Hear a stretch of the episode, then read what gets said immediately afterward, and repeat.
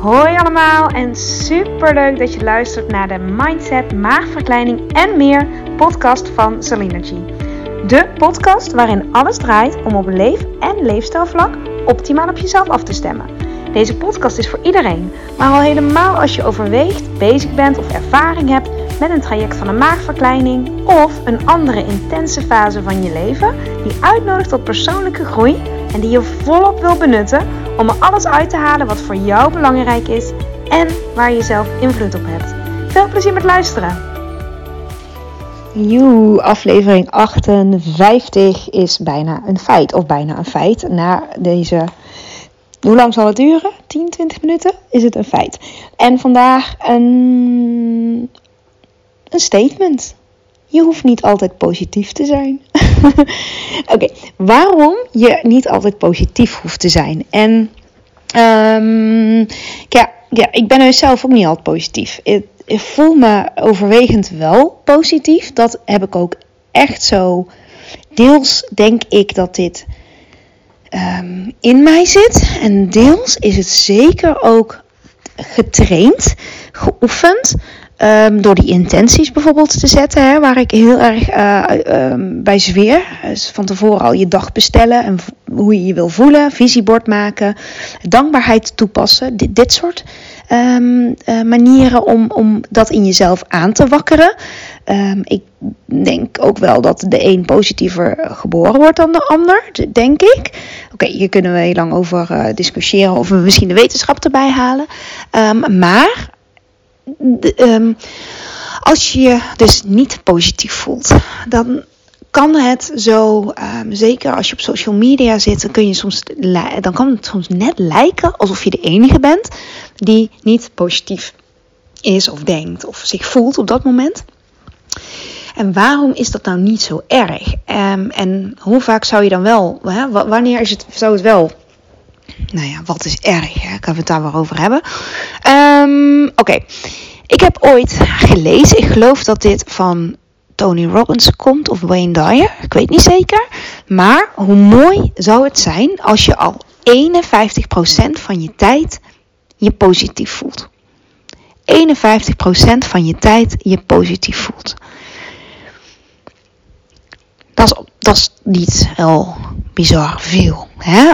Maar het is wel overwegend. Overwegend positief. Maar wat leert het je nou om even niet positief te zijn?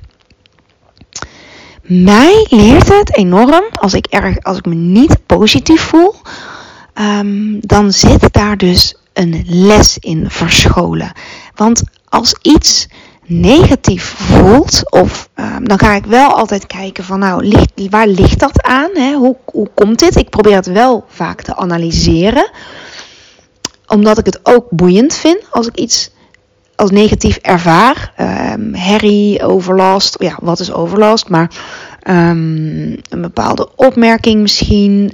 Um, misschien vanochtend nog. Toen was ik, um, ik was bij een vriendin geweest en ik was met mijn twee kinderen. En ik liep richting de trein en ik had uh, heel veel tijd ervoor uitgetrokken op de heenweg al. Zodat ik niet hoefde te haasten, dat ik gewoon lekker relaxed aan kon doen. En dat ging ook, dat was allemaal hartstikke leuk. En op een gegeven moment gingen we terug.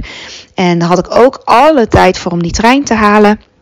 Maar op een gegeven moment ging mijn oudste, uh, ja, je kent dat wel bij peutergedrag, die ging zitten en die ging rondjes draaien en noem maar op. Nou, prima, want we hebben toch de tijd. Dus, maar na een keer of tien, dat je zeg maar twee stappen, uh, dat je één stap vooruit doet en twee stappen achteruit, merkte ik dat ik dacht, kom.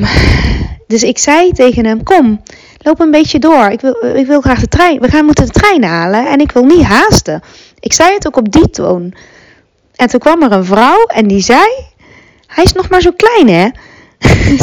Ze zei het helemaal niet zo afkeurend, maar. En ik zei, ik, ik, reageerde ook van, uh, ja, nee, nee, zeker, weet ik, weet ik. En uh, goedemorgen zei ik nog tegen of zo. Dus het was prima. Maar later dacht ik toch wel over na. Dacht, oh, ik weet eigenlijk helemaal niet hoe ze dat bedoeld heeft. Of dat het kritiek was. Want, oh ja, ze zei ook nog tegen hem, je doet het goed hoor. tegen, mijn oudste. toen dacht ik, ja, je ziet natuurlijk een heel klein gedeelte van onze dag. Je ziet niet hoeveel geduld ik die dagen toevallig. Ik heb niet altijd evenveel geduld, maar dat weet ik dan ook van mezelf. Dat, dat, dat heb ik ook geleerd om daarin adem in, adem uit. En hè, een stukje overgave. Dat is echt iets wat ik heb moeten leren.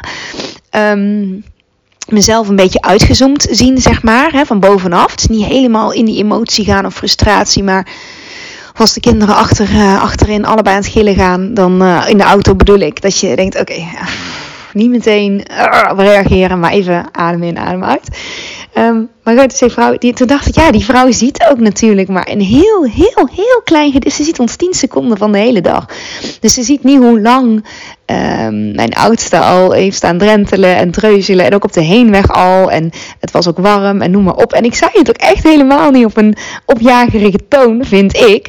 Maar goed, misschien vond zij dat wel. Dus ik zei echt letterlijk van, kom, we gaan. Want uh, loop, loop, loop maar een beetje door. Dat, volgens mij zei ik zoiets. Want ik wil trein halen. Ik wil niet haasten. Zo, dat.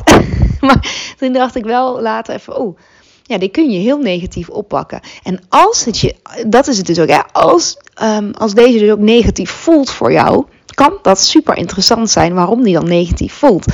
En even los van, want je kunt dus gaan analyseren waarom je je niet positief voelt. Dit is even een heel klein voorbeeld, hè, maar dit kun je op, op meerdere vlakken, op, natuurlijk op heel veel vlakken uh, toepassen. Maar als je je dus um, niet positief voelt, of je voelt je ronduit negatief, dan, dan kun je zeggen, nou maar ik, ik ga, um, ik ga uh, op zoek naar de oorzaak. Hè? wanneer had ik dit niet en wanneer is dit gekomen? En dat kan heel erg helpen om compassie voor jezelf op te brengen. Zo van ja, zo begon ik de dag eigenlijk niet, maar doordat die dat zei, of doordat dat gebeurde, of omdat het zo warm is, of omdat het zo koud is, of omdat dit, of omdat iets anders liep dan ik eigenlijk had verwacht door dat te weten kun je vaak wel wat meer compassie voor jezelf opbrengen. En um, uh, informatie krijgen uit het niet positief voelen. Je kunt heel veel informatie halen uit je niet positief voelen. Want dat betekent dus dat je daar misschien wel iets mee mag. Als je je structureel over iets negatief voelt, bijvoorbeeld hoe je je avond indeelt of hoe je werk is of je gewicht is ook natuurlijk een heel goed voorbeeld, dan leert jou dat dus dat dat, dat is niet je ideale situatie blijkbaar. Of het triggert iets wat ja, niet in lijn is met jouw, um, nou daar gaat de vorige podcastaflevering over, jouw um, ideale versie van jezelf. Dus dat, eh, weet je, dat, voordat je dan um, alle gedachten gaat omzetten en um, van uh, uit je negativiteit zou moeten komen en positief moet denken, ja, dat voelt vaak heel uh, geforceerd. Want het is heel vervelend als iemand zou zeggen: je moet positief denken, terwijl je je niet zo voelt. Dan voel je je toch ook niet gezien. Dat is tenminste heel vaak, het is goed bedoeld van mensen, maar heel vaak ja, sla je zelf al die stappen over. Van jezelf echt even zien, ook even marineren in dat gevoel. Uh, maar moet je meteen die, die knop omzetten of die switch maken? Ik zou, ik zou echt zeggen, of het analyseren als het ook iets is wat je overkomt. Van hé, hey, in één keer overkomt mij dit negatieve gevoel of die negativiteit. En wat leert mij dat dan? Mag ik misschien hierin er wat meer voor mezelf zijn? Mezelf wat meer zien? Wat beter voor mezelf zorgen? Of meer voor mezelf opkomen?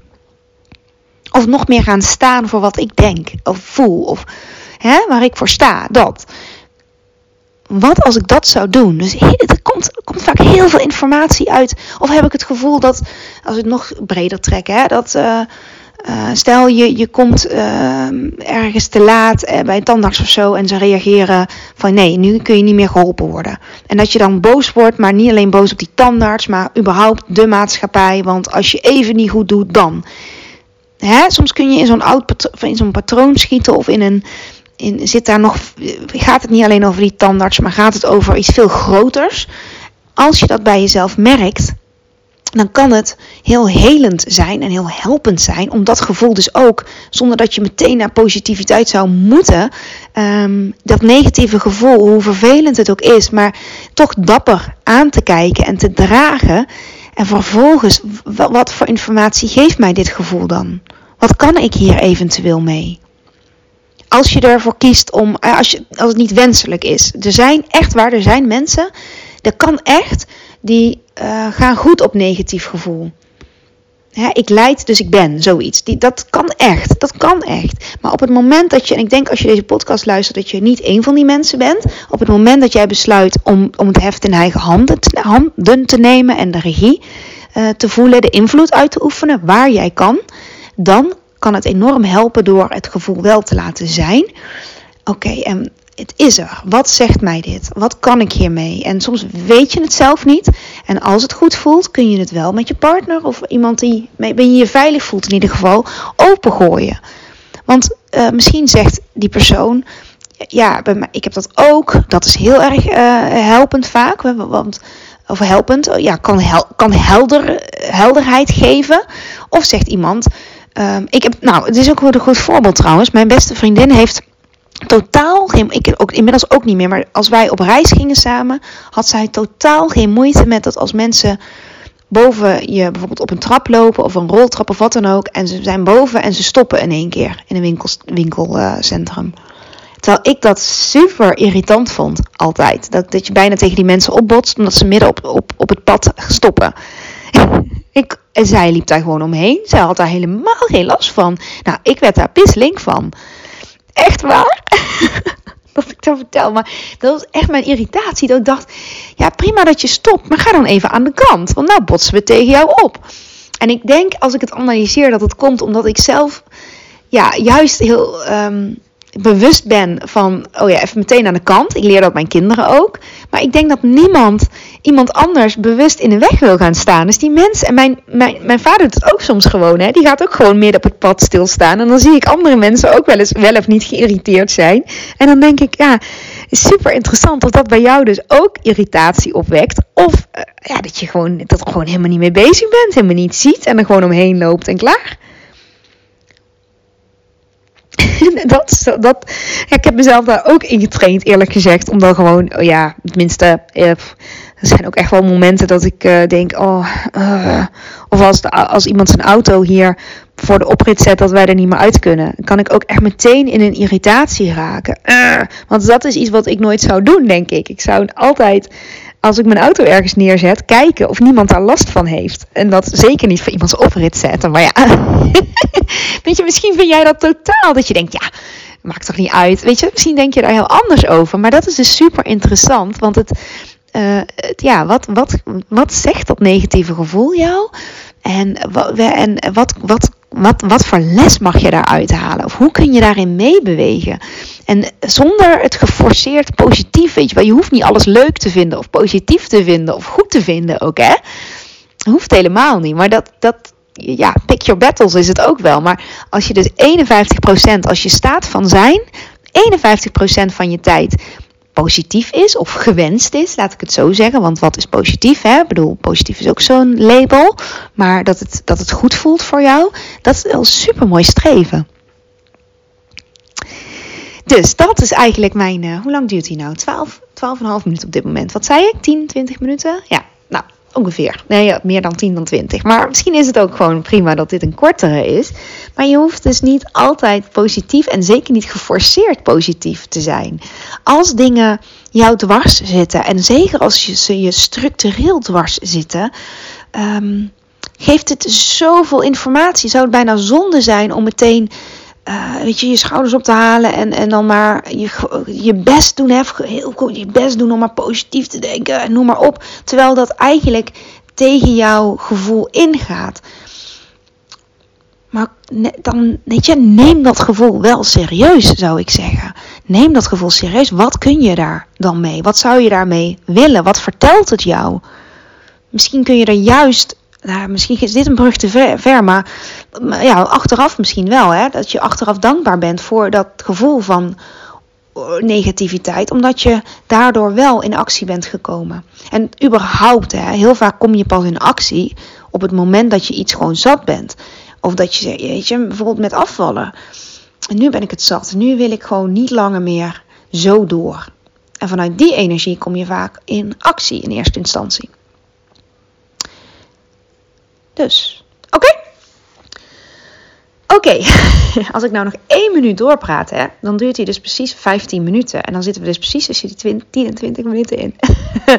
nee, ik, ik ga hem afsluiten. Ik hoop dat je er iets aan hebt. En zeker ook op het moment dat je je niet positief voelt of negatief. Weet je, als je je negatief voelt, dat je ook oh, een soort berusting in vindt van oké, het is nu wat het is. En daartegen vechten kost vaak veel meer energie. Voel je je vaak veel, misschien ook wel meer eenzaam dan uh, het te laten zijn. En het op deze manier benaderen van oké, maar wat zegt mij dit gevoel dan? Wat zegt mij dit gevoel? Wat, wat zou ik dan nu nodig hebben? Wat zou ik nodig hebben? Superkrachtige vraag om jezelf te stellen. Yes? Oké, dankjewel voor het luisteren van deze aflevering en tot de volgende keer. Dankjewel voor het luisteren van deze aflevering. Mocht je hem interessant hebben gevonden, vind ik het super leuk als je hem deelt met andere mensen die ook iets aan deze boodschap kunnen hebben. En of je misschien een review wil achterlaten. Want hoe meer reviews, hoe beter de podcast gevonden wordt en hoe meer mensen ik kan bereiken met deze boodschap. Hele fijne dag. Tot